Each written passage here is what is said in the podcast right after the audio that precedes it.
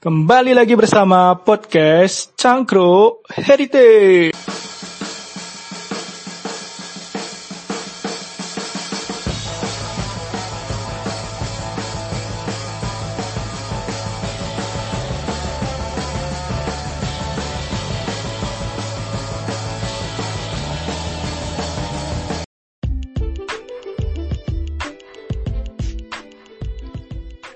Eh, halo teman-teman, balik lagi ke Cangkruk Heritage.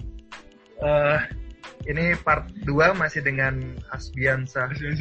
Zulfahri, Emma. MA, Ya dong. Sorbon, Sorbong. Sobong. Eh, Oke, pertama di, di part 2 ini, Part lanjutin part pertama nah ya. sebelumnya kita ya. kita lanjutin part pertama nih. Gak ada bingung. Iya, Part satu ini kan, berarti nggak nggak salah kan? Gak salah kan? Oke, Siapa tahu Nah, kita harus Iya, di part 2 nih kita coba gali lebih jauh nih soal aturan nih. sebenarnya maksudnya kita kita mau tahu juga nih eh, aturan di kita tuh sebenarnya ada ada apa namanya eh, gap ada perbedaan yang terlalu jauh nggak sih sama aturan internasional gitu Iya. kan atau malah ya mulai dari regio re- dari regional di Regional. daerah aturan daerah kemudian di nasional kemudian di internasional itu sebenarnya udah udah selaras atau atau aturan soal heritage masih ternyata malah jauh. masing-masing punya kiblatnya sendiri nih, punya mazhabnya masing-masing Nggak tahu nih. Panggang dari sate gitu. Nah, kita tanya Hasbi aja mungkin bi dari Oke. pengalaman Hasbi nih eh, terkait gap eh, aturan nih. Ada nggak sih sebenarnya eh, di aturan internasional sendiri dan aturan nasional gitu, atau antara aturan nasional dan internasional ada gap yang mungkin jadi eh, masalah atau jadi Ya, yang jelas jadi masalah di di, Diimplementasi, lokal gitu ya. kan, ya. Iya. Gimana bi? Gimana bi? Eh, Ada gap pengetahuan juga nggak? gimana? Ya. Ada gap aturan sama pengetahuan gitu ya. Oke. Ya. Saya langsung jawab iya. Kesimpulannya ya.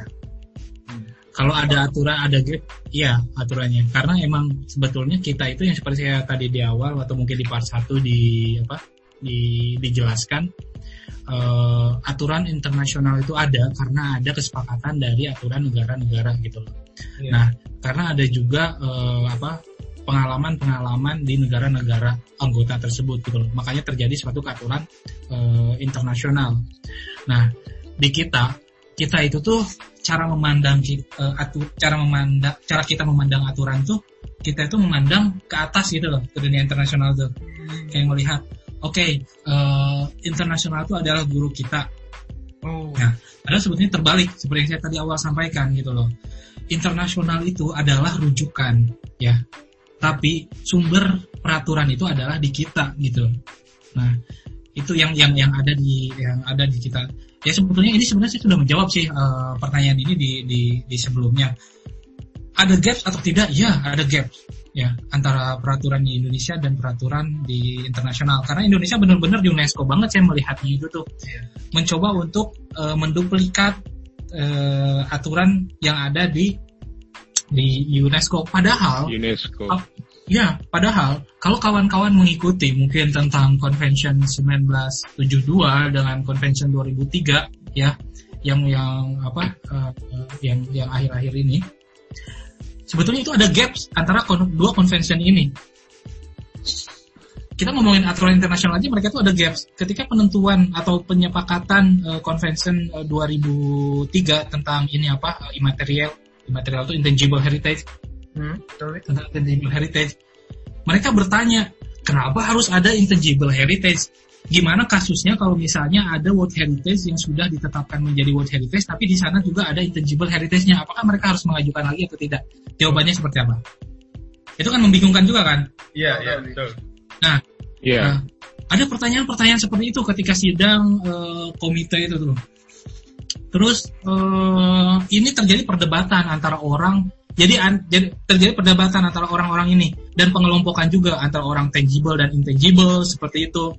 Padahal sebetulnya seperti yang saya sampaikan di awal, kita memaknakan bud- pemaknaan budaya ini tuh jangan terlalu sempit gitu loh. Jangan terlalu sempit kita memaknakan budaya ini tuh. Makanya eh, internasional itu sudah terjebak karena kesempitan mereka memaknakan budaya sejak lama dengan mereka mem, mem- me- apa me- melaunching atau me- membuat suatu aturan eh, Convention 1972 itu tentang protection eh, heritage itu. Nah, mereka sudah terjebak di situ gitu loh dengan mengotakkan ben- benda padahal mereka melupakan nilai yang merupakan kebudayaan. Ya, Nah, kita sekarang jangan sampai terkotak juga gitu maksud saya gitu. Jangan sampai terkotak ikut lagi ngikut kesalahan sama yang dia, yang dilakukan dunia internasional. Oke, terkotak eh, tangible and intangible. Ya, kalau secara kategori boleh, tapi kalau secara pemaknaan di kita sendiri menurut saya enggak lah. Apalagi kita ge- generasi kita generasi multidisiplin Iya. nggak ada lagi batasan-batasan ilmu gitu maksudnya itu tuh samar sekarang batasan-batasan ilmu itu arkeologi dan antropologi sekarang samar sejarah sama arkeologi sekarang samar Hmm. arkeologi geologi arkeologi geografi sekarang samar gitu kan di beberapa kasus penelitian Iya, iya. Hmm. Berarti kayak gitu sih hmm. Nah kalau di sebenarnya kalau di aturan internasional sendiri pembagiannya sampai sejauh ini perkembangannya seperti apa bi? Uh, pembagian uh, kategorisasinya. kategorisasinya nah sejauh ini ya Pak, eh, sekarang sudah mulai memaknai sekarang kan ada dulu 1972 eh, ini apa eh, konvensi 1972 ya tentang tentang World Heritage itu. Terus eh, ada juga 2000 eh, 2000 tentang underwater tuh. Iya. mungkin orang tentang hal ini tahu lah ya yang kita belum ratifikasi itu. Hmm. Eh, eh, terus 2003 tentang ini apa eh, intangible heritage ya. 2005 tentang diversity ini cultural heritage yang ya itulah.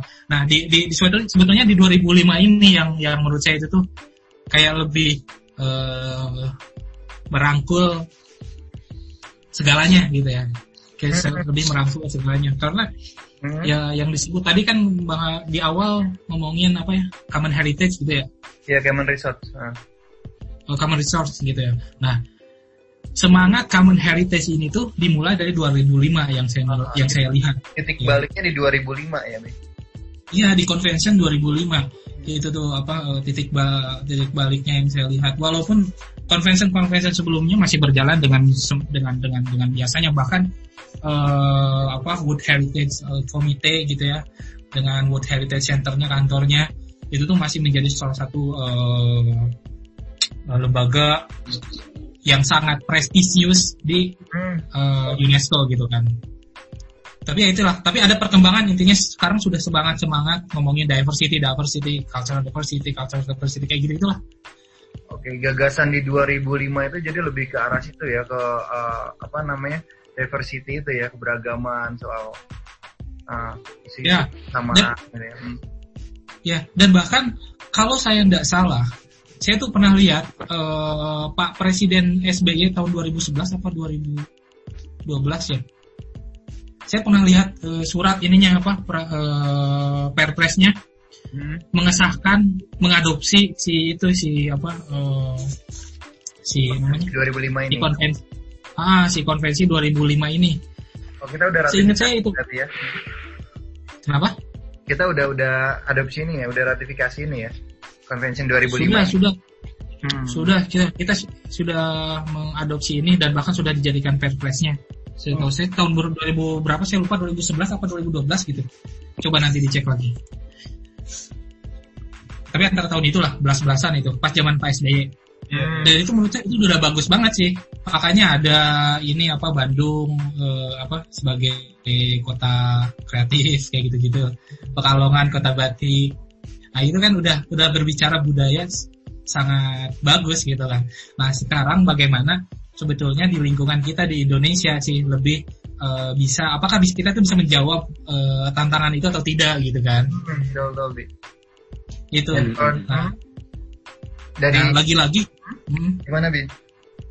Nah, lagi-lagi sebetulnya kalau dari saya pribadi gitu ya.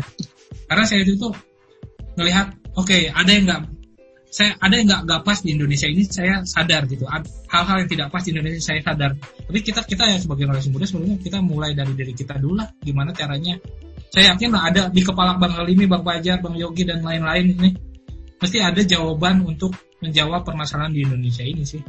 Gila ya gue ya ngomong Indonesia ya. berat, berat.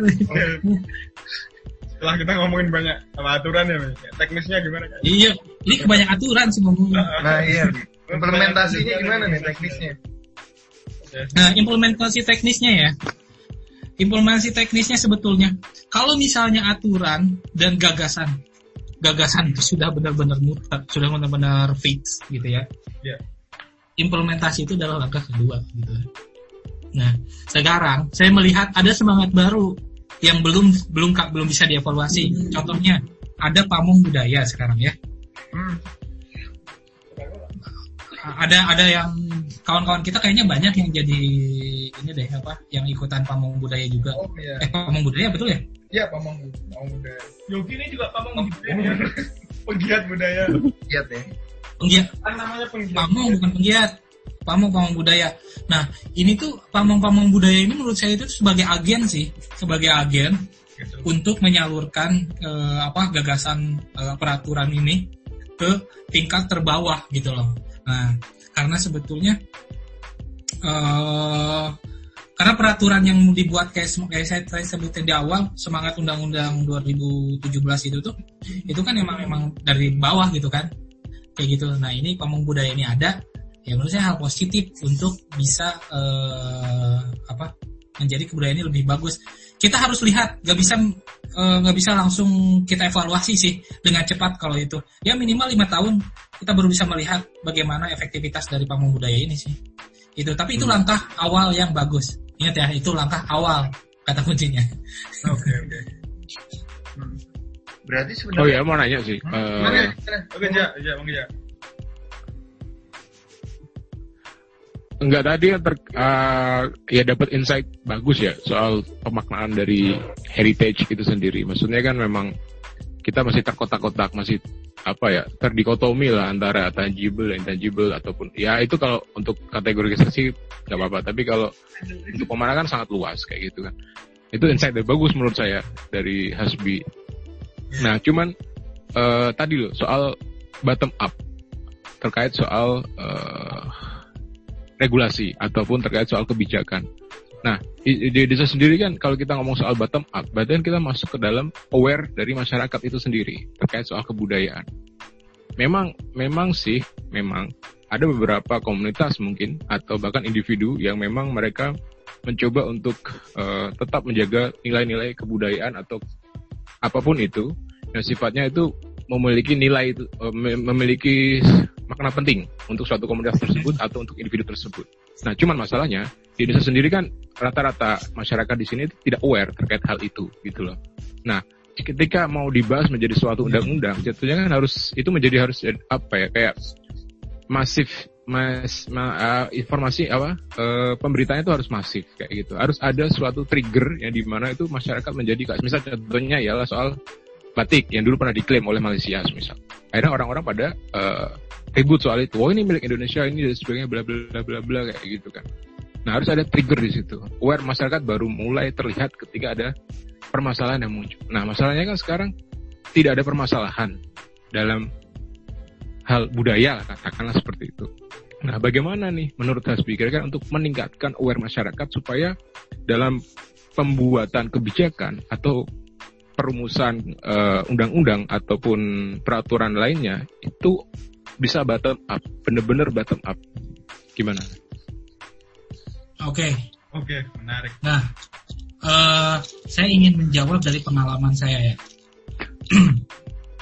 Kalau di Prancis itu tuh, kenapa mereka mereka itu tuh hidup, eh, kenapa mereka itu tuh orang-orang Prancis kalau misalnya orang yang mengerti sejarah itu dianggap cool, dianggap keren, gitu loh. Lu kalau misalnya mau jadi bang, ya di Prancis di Inggris itu tuh kalau jadi bangsawan itu tuh harus lu harus tahu sejarah gitu kan lu tahu harus tahu budaya lu kayak gitu Nah, kembali ke Prancis. Nah, mereka itu tuh eh, bagaimana mer- eh, apa mereka itu hidup dengan kebudayaan mereka walaupun modernitas eh, menghantui mereka gitu ya. Dan mereka pun Hmm. tidak ketinggalan modernitasnya gitu loh. Nah, Hmm. salah satu contoh adalah gastronominya Prancis. Ya, eh, makanannya Iya, Prancis. iya. Iya. makanannya Perancis itu tuh ya sekarang itu makanan yang sangat mendunia gitu ya tapi mendunianya itu mendunia eksklusif bukan mendunia kayak misalnya makanan Amerika misalnya kayak KFC ya Oh, Eh, iya, iya. ya yang kayak gitu gitulah ya nah tidak se se, se itu se- seperti itu jadi mereka itu tuh apa membuat suatu gastronomi kebudayaan gastronomi Prancis yang benar-benar bukan hanya membuat makanan bukan hanya eh, sajian makanannya saja tapi tata cara makannya pun masih dilaksanakan hingga hari ini. Nah itu yang membuat mereka itu tuh mereka eh, hidup dalam kebudayaannya yang saya lihat hidup dalam kebudayaannya. Dan juga ketika mereka bisa hidup dengan kebudayaannya egoisnya orang-orang Prancis kalau kawan-kawan tahu. Ada suatu kesempatan saya sedikit cerita. Ada suatu kesempatan eh, kami di kampus ini tuh mengadakan audiensi dengan kawan-kawan di Oxford. Gitu. Nah kawan-kawan Oxford datang ke Sorbonne terus kita audiensi tuh ceritanya itu tuh. Kami mahasiswa apa mahasiswa Prancis gitu ya dan para dosen-dosen Prancis kita tidak sama sekali menggunakan bahasa Inggris kita menggunakan bahasa Prancis eh, apa semuanya pakai bahasa Prancis kita mendatangkan seorang ini apa seorang eh, translator eh, yang bisa menerjemahkan eh, apa sehingga kita bisa berdiskusi. Orang Oxford pun mereka menggunakan bahasa Inggris. Saya tahu, saya sangat paham. Dosen-dosen saya ini tuh eh, apa sangat Bisa. sangat mahir sekali bahasa Inggrisnya. Mereka jurnal internasionalnya di mana-mana gitu kan. Terus kita juga kalau misalnya mentok pakai bahasa Inggris gitu. Gak aneh, tapi kekuatan mereka, resistensi mereka untuk kebudayaan itu tuh sangat kuat gitu loh. Kita lihat mungkin mau sekarang Perancis menjadi salah satu negara maju di dunia walaupun saya tidak tidak setuju tadi dengan kata negara maju gitu ya. Tapi eh, yang secara infrastruktur mereka lebih baik gitu, ya, lebih rapi daripada kita gitu ya. Nah, kita bisa mencontoh itu. Nah, makanya kalau Bu- kalau saya lihat dari apa da- dari pertanyaan dari Bang Reza tadi gimana sih ini caranya biar eh, bottom up gitu ya. Iya. Hmm. Peraturannya biar bottom up. Ya, kita itu sesungguhnya itu tuh pemerintah sebagai orang yang eh, sebagai lembaga yang ini apa yang mengatur segala hal di dunia di muka nusa bumi pertiwi ini seharusnya itu tuh tidak memaksakan eh, peraturan tunggal ya karena pemaknaan peraturan itu tuh di daerah tuh akan berbeda-beda gitu loh termasuk kebudayaan strategi kebudayaan strategi kebudayaan mungkin di provinsi eh, Aceh akan berbeda dengan strategi kebudayaan di provinsi eh, Jawa di di Jawa Yep. Tengah misalnya kayak Hmm. gitu itulah yang Bisa yang. Iya. Itu semangat ya ya kita kalau kalau apa eh, bottom up-nya itu tuh itu dengan cara seperti itu. Kita benar-benar membuat strategi kebudayaan itu bukan strategi seragam gitu loh. Tapi strategi yang beragam karena ya seperti yang kita tahu bersama Indonesia ya sangat beragam. Ya, ya asasnya aja apa bineka tunggal ika gitu ya. eh jargon apa asas tuh? Saya salah nanti. Hmm, tahu tahu. Ya ya menarik. Gimana Zat? Itu. Ada tanggapan? Atau Ah, itu dulu nanti nanti lagi. Tenggong? Gitu loh. Hmm. Ya, Iya, iya. ada pertanyaan lagi nggak? Kalau enggak saya lanjut. Hmm. Asik. Eh, lanjut bi. Lanjut, Bi. Ini udah serius nih, SB serius. Padahal tadi gak ada nggak mau serius. Eh, Agak, saya itu tuh gini loh. Jadi- Sebetulnya saya itu sudah malas. Saya bilang sama Bang Halimi, eh ketika Bang Halimi ngontak saya, Bi kita ini apa? Kita podcast kata dia. Kita podcast. saya udah bilang saya nggak mau, saya saya nggak mau. Saya tuh udah nolak-nolak jadi pembicara itu tuh udah dua bulan tiga bulan ini udah nolak-nolak. Karena saya ngerasa, aduh, di pandemik kayak gini ya, di corona kayak gini, posisi keilmuan kita tuh benar-benar terlihat Iya, iya, iya. posisi keilmuan kita itu benar-benar terlihat. Nah, saya itu tuh benar-benar mencari eh, apa? Mencari eh, jawaban apakah yang bisa sebetulnya dilakukan keilmuan kita di tengah posisi yang sangat terbatas seperti ini. Itu yang benar-benar yang saya saya nggak mau banyak berkuar-kuar tadinya itu tuh Kalau tentang eh, bagaimana Jawa tuh apa gitu? Dari ladang ke meja makan apa tuh? Bi?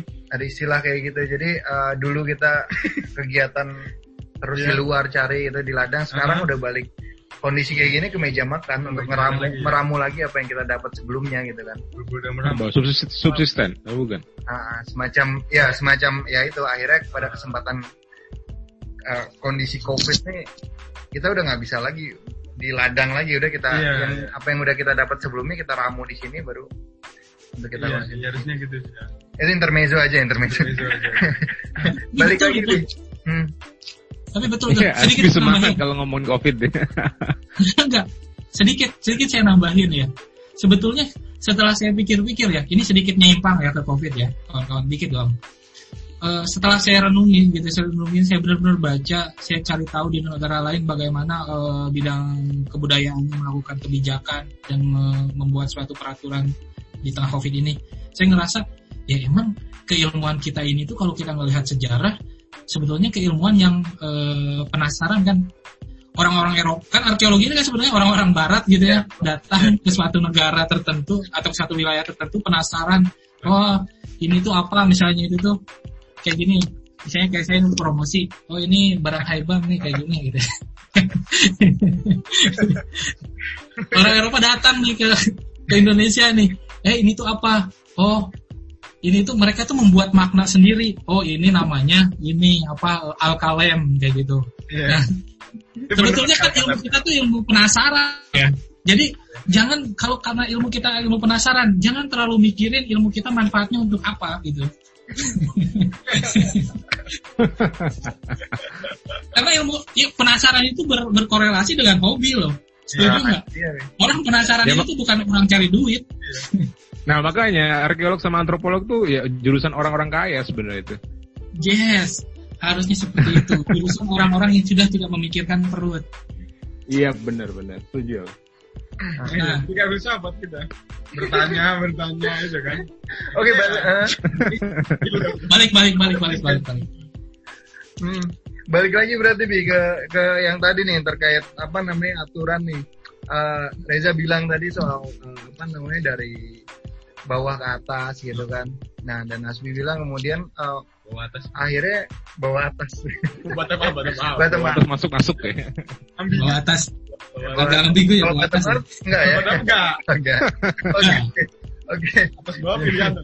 resistensi tadi loh Oke, oke. Eh, jadi itu tadi eh, akhirnya kan kalau Asbi bilang ya eh, harusnya ada resistensi untuk mempertahan, ah, bukan mempertahan, mengembangkan kebudayaan kita sendiri sejak dari bawah gitu kan. Iya, iya. Kemudian akhirnya aturan internasional lah yang kemudian menyesuaikan gitu kan Mm-mm.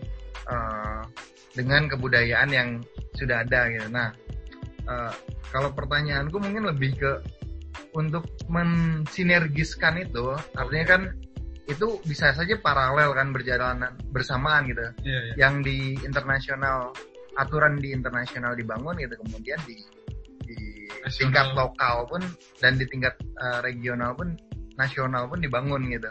Nah itu untuk mensinergiskan itu sebenarnya mana yang lebih dulu atau atau faktor apa yang bisa kemudian mensinergiskan mana yang harus uh, mengalah untuk uh, apa namanya menyesuaikan misalnya kayak gitu. Gimana bi? Kalau dari Hasbi untuk mensinergiskan antara atur antara adanya gap-gap tadi gitu, aturan internasional, nasional dan regional. sebetulnya sebetulnya sangat bisa karena sebetulnya sangat bisa tapi kan maksud maksud saya tahu siapa kita gitu kan Iya. nah Jaya, eh, jaya. ya,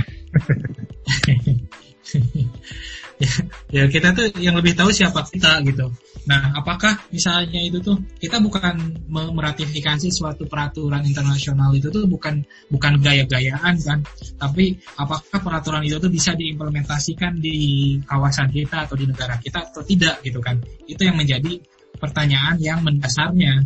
Nah eh, apakah bisa paralel? Sangat bisa. Sangat bisa paralel untuk maksudnya untuk untuk eh, untuk di eh, apa diaplikasikan sangat bisa paralel tapi alangkah baiknya bukan hanya alangkah baiknya kita mengidentifikasi dulu gitu loh dari eh, apa kebutuhan kitanya seperti apa baru kita melihat mencari referensi lain di luar bagaimana di lu- mereka bekerja di luar gitu loh. Itu sih yang menjadi poinnya dan juga eh, saya lebih concern sebetulnya itu tuh untuk untuk apa? Untuk bidang kebudayaan ini tuh bukan hanya ke bendanya saja gitu loh. Bukan hanya mentreatment si bendanya saja tapi juga eh, bagaimana mengelola sumber daya eh, manusia di kebudayaan ini sendiri gitu loh. Dan itu sebenarnya saya udah udah cerita sih tentang ini ke kawan-kawan kayaknya di angkringan yang terakhir itu. Soal mengenal diri sendiri tadi ya. Mau curhat nih? Gimana? Kita Iya. diskusi nah, balik lagi ke aturannya. Kita yang kita butuhkan nih apa nih? Nah, kalau dari teman-teman sendiri, Ah, dari Asbi, gitu. akhirnya kan kita harus Apa? mengenal diri sendiri. saya kemudian putus-putus. apa yang eh putus-putus ya? Ya, main nyambung nyambung sekarang. Oke, jadi eh, tadi akhirnya balik ke kalau kata Asfi kan eh, kita harus mengenal diri sendiri dulu gitu apa kebutuhan kita soal pengembangan heritage dan kebudayaannya terus eh, kemudian baru loncat ke mana aturan internasional yang cocok untuk kita ratifikasi gitu kan kan seperti itu. Iya, Nah, dari Betul. teman-teman sendiri nih ada nggak tanggapan soal itu kebutuhan kita gitu mungkin heritage kaitannya dengan ekonomi kita lebih kita kan lebih kadang Harusnya udah mulai jadi seksi ya kalau kalau ngomong Iya. ekonomi banyak kemudian ke, jadi banyak yang tertarik tertarik. Oh, tertarik ya. Tapi ada juga yang jadi risih. Nggak? hmm, ya, Ada juga kan yang Fajar ini. Fajar yang ada aturan nih. Tadi Ada. kan nyebut apa yang ekonomi terus sama tapi kalau di Indonesia belum kalau di luar kan katamu udah disinkronkan toh.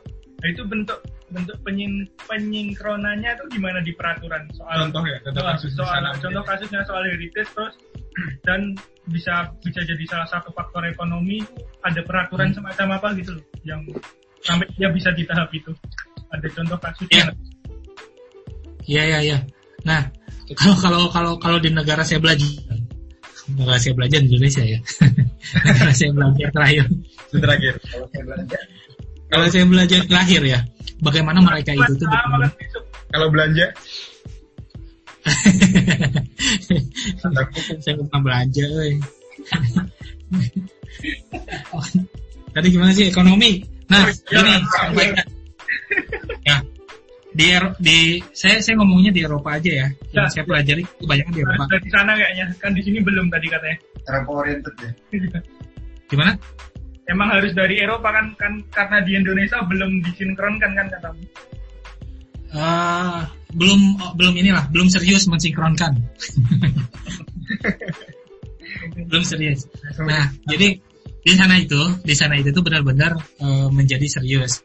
Eh, saya tadi bilang ya saya saya doakan semoga kawan-kawan bisa melihat eh, apa Eropa mungkin atau mungkin dunia lain. Amin. Dunia lain hantu. Amin, amin. Lebih cepat gitu ya. Dan ketika ngelihat kalian bisa apa eh, saya keliling beberapa negara di Eropa itu mereka itu memiliki budaya yang sama. Ya kawan-kawan. Mereka itu memiliki budaya yang sama gitu loh. Lebih Nah, ya. terus peraturannya pun mereka kan mereka juga punya ini apa eh, European Union itu loh. Yang apa Eropa itu ya? yang Inggris mau keluar itu ya, ya? yang Brexit Inggris tuh yang Inggris Uni Brexit Eropa. Oh. Nah, Uni Eropa itu tuh mereka tuh punya forum itu dan forum itu betul-betul membicarakan bidang kebudayaannya itu sangat-sangat serius sekali. Antara Menteri Kebudayaan mereka sangat-sangat serius sekali, rutin sekali melakukan itu. Bahkan Menteri Keekonomi, Menteri Keuangan mereka itu tuh antar negara itu tuh mereka tidak mereka eh, apa eh, mencari profit untuk negaranya itu salah satunya dari bidang kebudayaan ini. Dan mereka sangat sadar. Contohnya saya lebih sempit lagi ke Prancis gitu ya. Mereka tuh sangat sadar. Mereka itu tuh negara yang hidup dari eh, apa budaya tinggalan-tinggalan budayanya. Makanya Prancis menjadi negara nomor satu eh, dengan kunjungan pariwisata di dunia gitu kan. Nah eh, otomatis pemasukan di bidang kebudayaannya pun eh, sangat tinggi. Saya lupa berapa billion euro eh, per tahunnya, tapi mereka sudah menargetkan 100 juta eh, wisatawan. Hmm, set- setiap tahunnya gitu kan. Waktu itu tuh lap- 90 sekian juta kayaknya terakhir itu tuh. Dan saya yakin gampang banget untuk Prancis untuk melakukan itu. Apalagi turis-turis dari Cina itu sangat sangat banyak sekali gitu loh. Jadi banyak orang orang Baru. kaya orang kaya orang kaya baru di Cina yang melakukan perjalanan-perjalanan ke eh, Eropa gitu loh. Nah karena mereka sangat sadar eh, kebudayaannya itu adalah suatu eh, apa aset ya, mereka pun mengelola asetnya itu menjadi lebih serius. Oh, Makanya tidak hanya Kementerian Kebudayaan yang membuat program-program eh, eh, di bidang kebudayaan, tapi juga Kementerian Ekonomi. Mereka itu tuh membuat program khusus untuk mengelola sistem keuangan kebudayaan di eh, negaranya itu tuh. Seperti itu. Jadi sinkronitas atau inter eh, apa integrasi antara konektivitas juga antara lembaga itu tuh terjalin gitu loh. Itu tidak hanya di Prancis, di Jerman pun terjalin seperti itu, di apa eh, Italia terjalin seperti itu gitu loh. Nah, hari ini kalau kita bercermin ke politik regional di, di Asia Tenggara, Di negara. ASEAN Ya. ya eh, kita sudah punya ASEAN ya dan ASEAN sekretariatnya di ini apa di Jakarta ya kenapa sekber, sekber FIB itu loh. lanjut, lanjut, lanjut. sekber sekber sekan Gak kepake sekber tuh Bawa kenangan aja. Lemah manusia. kayak gitu Kenangan ini. gimana dari ASEAN ya halo ASEAN Ya, Nah, forum di ASEAN ASEAN ini emang masih muda ya, kawan-kawan. Kita nggak bisa pungkiri dan dan geraknya pun ya ASEAN Economic Community gitu kan, salah satu program dari ASEAN. Terus ada ASEAN Cultural Cultural apa gitu, itu proyek ASEAN juga. Tapi di bidang kebudayaan itu, di bidang culture itu, itu sebetulnya ASEAN belum terlalu fokus karena emang eh, free trade itu tuh masih masih menjadi poin utama dari eh, kerjasama ASEAN eh, di regional kita ini gitu loh. Nah, eh, akhir-akhir ini kami ya saya eh, apa termasuk di bagiannya itu tuh eh, di Indonesian Heritage Trust di BPPI ini tuh kita membuat suatu eh, jaringan organisasi regional di ASEAN. keren, Dulu namanya eh, apa apa gimana? keren, keren. Ya kita membuat organisasi itu dari tahun lalu deklarasinya sudah tahun lalu. Nah tadinya kita akan melakukan pertemuan tahun ini di Hanoi. Nah tapi karena COVID ini nggak tahu nih nggak jadi nih akhirnya. Nah sebetulnya ini langkah dari kita pihak eh, apa swasta pemerhati budaya eh, yang yang yang yang berada di negara-negara di ASEAN ini melakukan konsolidasi dan merumuskan suatu gagasan tentang kebudayaan regional dan kebijakannya dan turunan kebijakannya selanjutnya gitu loh yang nantinya akan disampaikan di depan ke menteri-menteri kebudayaan eh, negara-negara ASEAN. Itu yang sedang dilakukan hari ini. Nah sebetulnya kita telat sih kalau secara waktu. Tapi eh, kalau tidak sama sekali tidak melangkah gitu ya sama aja gitu. Kita semakin semakin gak Tinggal. progres gitu, akhirnya. Kayak gitu. Nah kawan-kawan nanti mungkin tahu lah mungkin nanti eh, bisa searching dan ini belum besar sih organisasi ini namanya eh, ini apa ASEAN Heritage Alliance. Sekarang jadi CH, CHC Culture Heri- sorry, Culture eh, ASEAN Heritage Alliance. Akarnya pokoknya dari ASEAN Heritage Alliance itu yang menjadi eh, apa organisasi penghubung bidang kebudayaan di regional ASEAN ini. Lagi-lagi loh kawan-kawan, maksud saya itu gini, kita ini nggak bisa kerja sendiri gitu, Iya, iya. ya. Kita nggak bisa kerja sendiri. Bahkan eh, siapa ya? Saya tuh pernah salah satu tokoh tuh, saya lupa tokohnya siapa. Tapi dia tuh berstatement seperti ini, eh, suatu kebudayaan itu tuh tidak bisa berdiri sendiri. Dia akan terpengaruh dengan eh, tetangganya, intinya gitulah. Kayak gitu. Nah, apalagi kita di ini di apa di Asia Tenggara gitu loh. Mm-mm. Itu sih. Jadi emang emang ya kalau pertanyaan Bang eh, apa Bang Fajar tadi ya mereka sudah kalau di Eropa sudah masih mensinkronkan antara itu. Di Indonesia pun sebelumnya sudah memulai ya, tapi belum terasa aja. Terlambat Ya, covid kali. ya. terlambat Jadi- COVID bisa jadi. Ya semua bisa jadi alasan lah COVID itu. Ah, kalau ini bi apa namanya posisi itu kan tadi kan bilangnya ada peraturan di kesepakatan Uni Eropa terus kan ada Hmm. peraturan regional kan bahkan Hmm. di ASEAN pun mau dibikin gitu juga kan peraturan di Ya. regional ASEAN terus nanti ada peraturan di di masing-masing ini Nasional. nasional itu kan. Nah itu nanti gimana apa namanya kalau di Eropa sendiri gimana? Apa namanya peraturan Uni Eropa sama peraturan di tiap negara itu disinkronkan atau gimana? Terus kalau misalnya di Eropa itu disinkronkan apakah di Indonesia nanti dari yang organisasi kamu gagas tadi bersama BPPU itu bakal salah satunya nanti UUCB ada- bakal ada revisi lagi untuk mensinkronkan dari keputusan yang regional ASEAN itu Iya. ada prediksinya Ya. eh ini bukan prediksi, ini cara cara ini apa? Cara cara pandang kita mem- membuat suatu undang-undang, satu peraturan, yang undang-undang deh ngomongnya, satu peraturan gitu ya. Nah, seperti yang saya saya sampaikan tadi di awal, di di Eropa pun kekuatan legitimasi eh, apa undang-undang regional itu sangat kuat. Maksudnya regional itu eh, Uni Eropa gitu ya ya mereka itu sangat kuat untuk mengatur eh, apa negara-negara ini. Namun negara-negara pun punya kedaulatan untuk meng, apa eh, mengatur eh, kawasannya tersendiri. Jadi konsepnya yang harus kita pahami di sini adalah bagaimana konsep undang-undang eh, internasional baik multilateral maupun bilateral itu terjadi ya karena ada undang-undang yang telah dibuat di eh, negaranya. Ada kasus yang sebaliknya eh, di negaranya dia belum belum membuat undang-undang seperti di Indonesia. Inte- eh, apa intangible heritage di Indonesia sebelumnya belum kita belum mempunyai kan Hmm. baru 17 ini apa kita Perlima tahun 2017. Hmm. Ya baru kita punya ini. Nah itu ada kasus-kasus kayak gitu. Nah biasanya ini kasus-kasus kayak gini terjadi di negara-negara Asia eh, di negara-negara benua Asia dan negara-negara benua Afrika dan Amerika Selatan. Biasanya terjadi seperti itu karena eh, otak-otak dari undang pembuatan undang-undang internasional ini yang membuat ini tuh kebanyakan orang-orang dari eh, apa dari negara-negara barat lah Hmm. negara bule Masih sangat orientalis ya. orientalis.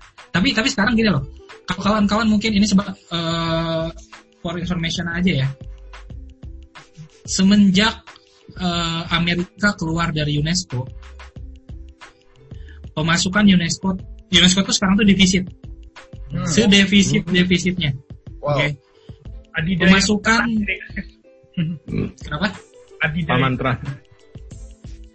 Gak ada hubungannya sama corona ini. Ini Pamantram, bukan? Oh, ya, Paman Trump dia nggak nggak setuju dengan eh, ketika ini apa eh, Palestina dijadikan eh, member state eh, di UNESCO gitu. Hmm, ya ya ya. benar. Nah, Israel ini terus Amerika mencabut dan negara-negara yang dinang dibayain fuck Trump. Astagfirullah. Itu apa lagi? eh, eh, mohon maaf ya Pak Trump, saya baca stiker yang ada di sana. kandang buku kandang buku kandang buku Oh, dari kandang buku. di nuklir aku lanjut Oke, lanjut. Iya. Dan dan apa lembaga internasional pun sem- rata-rata semua defisit karena khususnya UNESCO deh. UNESCO sekarang tuh lagi defisit selama saya di sana itu itu defisit mereka itu tuh. Pemasukan terbesar mereka itu adalah dari Cina. oh iya Donatur terbesar mereka itu dari Cina. Eh kedua tuh apa gitu eh, Perancis kalau nggak Jepang gitu. Pokoknya empat besar itu tuh Cina, eh lima besar itu tuh Cina, Jepang, Perancis, Jerman, satu lagi apa ya? Lupa. Indonesia mah ya, iuran rutin aja, alhamdulillah. Tapi Indonesia anak yang baik kok. Anak yang baik. Iya anak yang baik. Mereka Indonesia itu tuh nggak pernah nunggak, selalu bayar tepat waktu. iya iya itu ngomong-ngomong bayar baik. Iuran Apa? iuran kas kas untuk UNESCO gitu kayak paguyuban ya. Iya. oh terus nanti kalau kita bayar kas uang uang kasnya itu muternya ke mana ke seluruh dunia. Oh gitu. Jadi buat program-program UNESCO. buat kebudayaan itu. Hmm, Iya, buat program Ya, jadi jangan jangan jangan pikir maksudnya itu tuh UNESCO tuh olah lembaga yang sangat mempunyai banyak duit gitu. Enggak, enggak. Mereka dapat duit dari negara, dari para donatur, Hmm, no. kayak gitu. Hidup Terus bahkan bahkan hall ini ini ini nggak penting sih sebetulnya ini nggak penting tapi eh, ini cukup membanggakan buat orang Indonesia bahkan hall UNESCO hall utama UNESCO eh, renovasinya ada nama orang Indonesia di situ salah satu donatornya dari 30-an orang gitu Hmm. donatur ya. Iya tebak siapa coba Siapa ya, Bi? Siapa, Bi? siapa coba Kira-kira, kira-kira siapa kira-kira Pimpinan yayasan bukan? ketua Hah? yayasan, Pak pimpinan yayasan bukan? punya pabrik, punya yayasan. Punya... punya yayasan punya pabrik punya punya punya duit ini ya ada jadi keluarga ini dari keluarga Bakri itu tuh mereka eh, beliau Pak Pak Rizal Bakri ya apa ya keluarga Bakri lah. Iya, di situnya Ba- Bakri Brothers eh, salah satu yang tertulis di eh, donatur renovasi hall utama UNESCO yang biasa dipakai General Conference Oh, iya. acara-acara utama yang datang presiden presiden ini itu. Oke Oke. itu dan itu gue tuh yang yang yang, yang peduli kayak ginian Oke, oke kalau gua Oke mungkin Lu kalau dari aku Lu cukup sih. Ini di Balik lagi ke Mas Alimi. Oke, tadi sampai dengan apa peran kita aduh jatuh Enggak apa lanjut lanjut. lanjut. pertanyaan apa tadi Lanjut next next question Reza Lengkong ada ada ini nggak ada tanggapan nggak terkait aturan mungkin aturan tes. kebutuhan kita nih soal Ah. aturan nih sejauh mana Tadi tuh Mas Reza tuh telepon aku loh. Dia kayaknya bikin tesisnya tuh berubah lagi. Dia pengen pengen apa? eh, lihat aturan aturan heritage untuk aset pribadi itu. Maksudnya maksudnya kayaknya eh, bangunan-bangunan CB yang yang di, masih dimiliki oleh perorangan gitu kan. Itu kayaknya dia dia lihat eh segi sejahteraannya bagaimana ya Mas ya? Mas Reza gimana Mas? Ada bisa didiskusikan di sini Mas? Mas Reza kalau kalau konsultasi tesis jangan sama saya sama dosen lah Ya, kita diskusikan aja Bi. Barangkali mana nih Reza keluar ya pergi ya. Wah, Ah, Halo, halo, sorry, sorry, sorry. Oke, oke, oke. Cerita tesisnya, calon tesismu aja. cara ini udah udah udah mulai ngerjain Mas Reza udah, udah, udah. Oke, keren keren Eh, enggak sih, aku mau nanya kalau di Perancis sendiri kan tesisku lebih ke Ya, eh, apa namanya kesejahteraan bagi pemilik rumah cagar budaya lah katakanlah. Fungsinya rumah atau tempat tinggal lah istilahnya. Jadi nggak di- nggak dimanfaatkan untuk keperluan usaha ataupun apa tapi fungsinya benar-benar pure rumah tinggal. Nah kalau di Indonesia sendiri kan ada tuh beberapa rumah atau bangunan cagar budaya yang tempatnya itu di daerah yang NGOP-nya tuh tinggi, misalnya penarikan pajaknya tuh tinggi, misalnya kayak di daerah sekitar Tugu, Kota Baru, ataupun daerah-daerah lainnya. Nah, permasalahannya banyak dari mereka itu tingkat eko- perekonomiannya ya enggak aku eh, sorry sorry bukan banyak sih tapi beberapa. Cenderung banyak lah oke lah cenderung banyak. Nah itu memang mereka tidak mampu untuk membayar pajak yang katakanlah kalau saya ambil satu contoh itu di dekat Hotel Phoenix Jogja itu pajaknya 70 juta setahun oke Mm-mm. untuk pajak rumah saja loh itu dan itu Hmm. tidak dimanfaatkan untuk keperluan usaha. Kalau dimanfaatkan untuk keperluan usaha malah mungkin lebih tinggi lagi pajaknya. Kan kita tahu sendiri lah kayak gitu kan. Nah, sebenarnya aku mau nanya sih, kalau untuk di Prancis itu bagaimana tuh untuk kebijakannya? Iya. Oke. Sebelum saya ngomong di Perancis, saya tiba-tiba keingetan ini apa namanya? Undang-undang CB. Sebetulnya di undang-undang CB itu udah diatur sih, Bang. Eh di bab berapa ya? ya eh, kompensasi itu ya kompensasi Kepemilikan tuh bab berapa ya?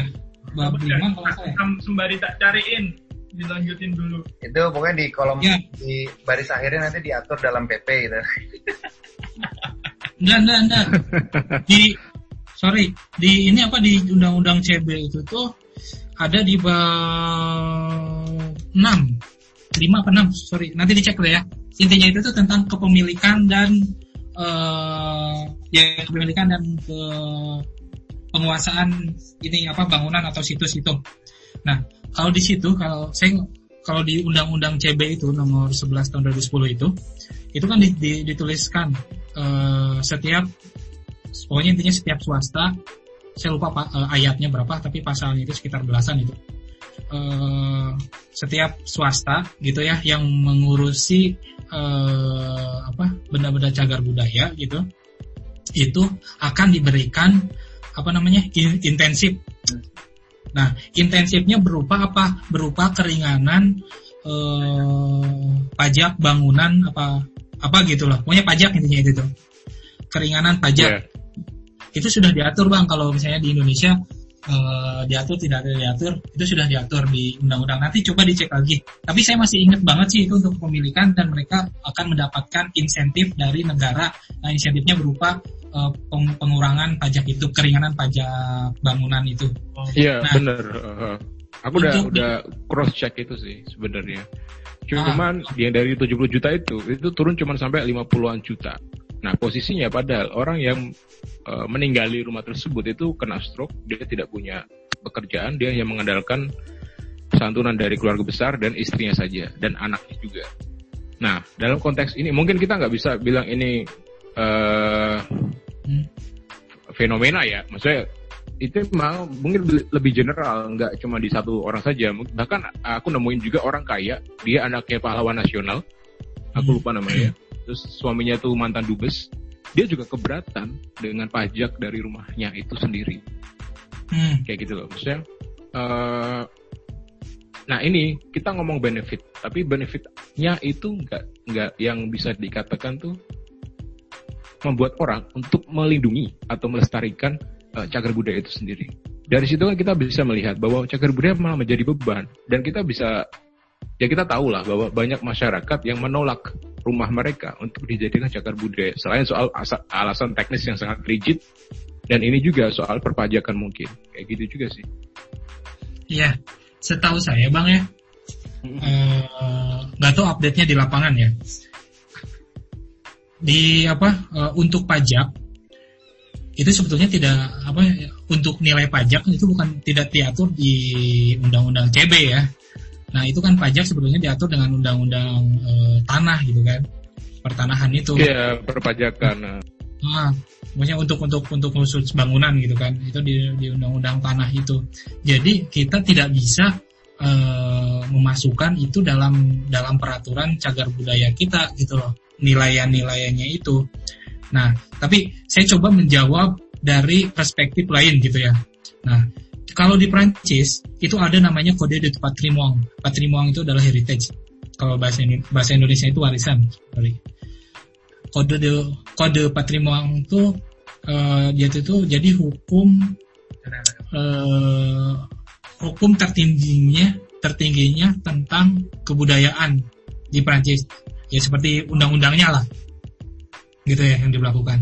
Nah kalau di sana bagaimana mereka eh, ada heritage yang dimiliki oleh perorangan, eh, bagaimana pengelolanya dan bagaimana eh, ininya perawatannya. Nah mereka sebetulnya mendapatkan ini mendapatkan eh, intensif juga gitu bang. Nah, intensifnya itu tuh emang intensifnya bukan bukan bukan materi ya, bukan rupiah misalnya tiap bulan dikirimin berapa bukan kayak gitu. Tapi intensifnya itu tuh benar-benar eh, intensif kayak ya pajak juga itu dikurangin karena emang di sana kan pajak gede banget kan sampai 40% kan pajak tuh dan juga eh, i- apa untuk tenaga ahlinya mereka itu tuh selalu free Oh, ada free tenaga ahli. Oke, ini ini ini ini. Hmm, Oke oke oke. Hmm. di, dan ya tenaga ahlinya di Paris sendiri free ya di Paris sendiri free nah di di apa di provinsi lain eh, saya yakin itu berjalan free juga ya. Karena benar-benar sih kalau di bidang kebudayaan mereka itu tuh jor-joran sekali lah. Nggak ini apa nggak Nggak sepelit Indonesia, Pak. ya bukan nggak seperti Indonesia. Kita nggak bisa apple to apple ya Indonesia dengan Paris ya. Iya, benar-benar. karena Indonesia emang emang negaranya gede banget gitu kan. Budayanya banyak banget ya ke- anggarannya kita terbatas gitu kan itu aja sih Iya, iya.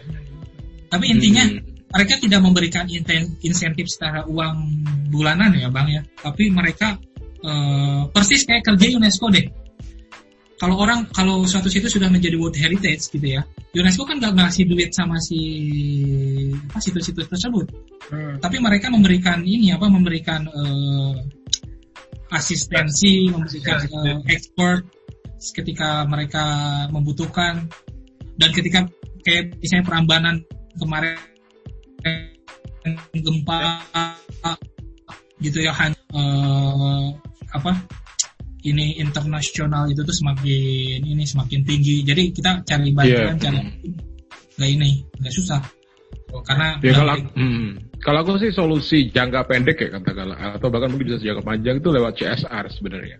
Apalagi kalau di Jogja ya terutama, maksudnya di mana nanti ada peraturan yang katakanlah sedikit mengikat atau bahkan mengikat perusahaan-perusahaan yang ada di Yogyakarta terutama, entah itu hotel, entah itu apa pun itu, itu memberikan suatu apa namanya, mem- eh, me- apa namanya, membagi peng- keuntungan mereka berapa persen katakanlah yang disetorkan nggak itu ke pemerintah daerah Jogja atau kemudian ke dinas kebudayaan yang di mana nanti itu uh, bisa digunakan untuk kepentingan uh, apa namanya para pemilik bangunan cagar budaya yang fungsinya rumah tinggal itu tadi. Terutama yang mereka yang keberatan dalam membayar pajak karena insentif yang diberikan. Nah kan masalah ini insentif ini tidak hanya disebut saja tapi ada dinas perpajakan ada dinas tadi tamu bilang ada tanah dan sebagainya nah banyak multi stakeholder di sini yang terlibat. Nah jelas kalau misal pajak itu nggak mau pajak mereka dikurangin kayak gitu. Masa pendapatan negara mau dikurangi kayak gitu kan istilahnya Hmm. kan mana mau hitungannya. Nah makanya kalau melalui CSR ini sebenarnya bisa. Apalagi Jogja itu kan ter- menjadi famous katakanlah kan karena kebudayaan sebenarnya salah satunya itu kan. Nah mengapa Mhm. tidak seperti itu? Itu sih yang yang yang jadi solusi solusi jangka pendek lah katakanlah. Mungkin HSB ada ini lagi. sebetulnya itu bisa jadi solusi jangka panjang sih sebetulnya ya asal kita lagi-lagi masalahnya itu bang sekarang itu adalah posisi kita posisi bidang kebudayaan di regional Jogja aja deh di regional Jogja itu tuh masih kalah dengan posisi kebudayaan apa dengan sektor pariwisata. Padahal ya pariwisata apa pariwisata Jogja kan kebudayaan juga ya gitu loh. Nah CSR CSR ini sudah ada aturannya bang. Jadi Iya di tahun 2007 itu. ya sudah ada aturannya. Nah kalau misalnya mau merubah itu tuh ya harus merubah aturannya dari aturan itu gitu itu akan menjadi bukan jangka pendek lagi itu jangka panjang nah Hmm. yang saya maksud adalah pajak dulu saya pernah bilang tentang ini reksadana ingat gak sih Hmm. Iya benar masih ingat banget tuh. Nah, ini ini tuh sebetulnya menjadi cita-cita saya secara pribadi ya. Saya tuh melihat apa melihat eh, apa kebudayaan di Indonesia khususnya arkeologi bidang arkeologi. Kenapa kita tuh susah banget cari duit kalau mau penelitian susah banget cari sponsor kayak gitu dan juga kayak misalnya untuk mengelola eh, melestarikan situs ya salah satunya yang swasta gitu susah banget kayak gitu. Nah salah satunya dengan dengan dengan dengan dengan reksadana ini bang. Jadi ini cara paling eh, apa paling eh, tanda kutip instan gitu ya. Tinggal kita membuat peraturannya saja instan untuk membuat reksa, eh, reksadana kebudayaan Indonesia. Nah di situ uang itu yang bisa dikelola, yang bisa membantu untuk eh, pihak-pihak swasta tadi yang kesusahan untuk membayar pajak. Jadi bukan bahasanya bukan tidak mau membayar pajak bang, tapi pajak itu kan wajib ya. Nah, kita bagaimana membantu membayar pajak tersebut gitu, meringankan pembayaran pajak tersebut. Nah, kayak gitu. Nah, bagaimana sistem kerjanya yang apa yang reksadana itu seperti yang gue udah jelasin lah maksudnya itu dulu di angkringan itu. Ya, kita benar-benar menggunakan dana abadi ini menjadi modal buat reksadana kita ini untuk menjadi tabungan reksadana kita ini. Nah, modal reksadananya mau, mau, mau dibuat eh, pakai reksadana apa? Reksadana misalnya pasar saham atau eh, suku atau dan lain-lain gitu ya. Itu itu tergantung kita melihatnya. Ini ada uang misalnya itu tuh satu triliun gitu ya. Anggap kata seperti itu. Satu triliun. Dari angka satu triliun ini kita tidak menyimpan duit ini di satu eh, jenis saham. Ya, harus disebar. Ada yang misalnya kalau analoginya kayak manusia, Bang. Manusia itu tuh kalau nabung di reksadana, ada reksadana untuk eh, pensiun, ada untuk nikah, ada untuk eh, satu tahun ke depan, ada untuk enam bulan ke depan. De- jenis reksadananya pun berbeda gitu loh. Nah, di- seperti di bidang kebudayaan, kita di bidang kebudayaan, eh, kalau kita menggunakan eh, metode ini untuk eh, membantu eh, finansial di bidang kebudayaan, saya kira sangat efektif dan tidak terlalu ribet-ribet amat gitu. Itu sih bang. Tapi kalau yang CSR tadi, saya sangat-sangat setuju kalau misalnya ada kekuatan politik kita yang bisa merubah peraturan tentang CSR itu. Tapi yang pertanyaan Oke. kita hari ini, apakah ada atau tidak kan? Benar benar. Belum ada sampai sekarang. Yes. belum ada sampai sekarang itu tuh. Karena belum ada yang ngebahas juga soalnya. Ya, belum ada yang membahas dan belum ada yang selain belum ada yang membahas, belum ada yang benar-benar serius eh, apa di di bidang itu gitu loh. Nah, mungkin Bang Bang Reza bisa bisa benar-benar serius di bidang itu. Tidak hanya menjadi suatu karya yang bisa meluluskan menjadi apa master gitu ya. Tapi juga mungkin nanti setelah ini eh, masuk ke salah satu partai gitu menjadi gitu. apa itu mas? Partai Sosialis Indonesia. Waduh jangan jangan jangan. We don't know. Cuma Partai Mas. Somasi Indonesia tuh. Ya, Partai gitu. Oh, oke. Eh, Lengkong gimana Lengkong? Waktunya terbatas juga nih kayaknya. Iya nih. Udah, Oh, udah cukup aja. bisa bisa kirim Iya, tesisnya mungkin ya.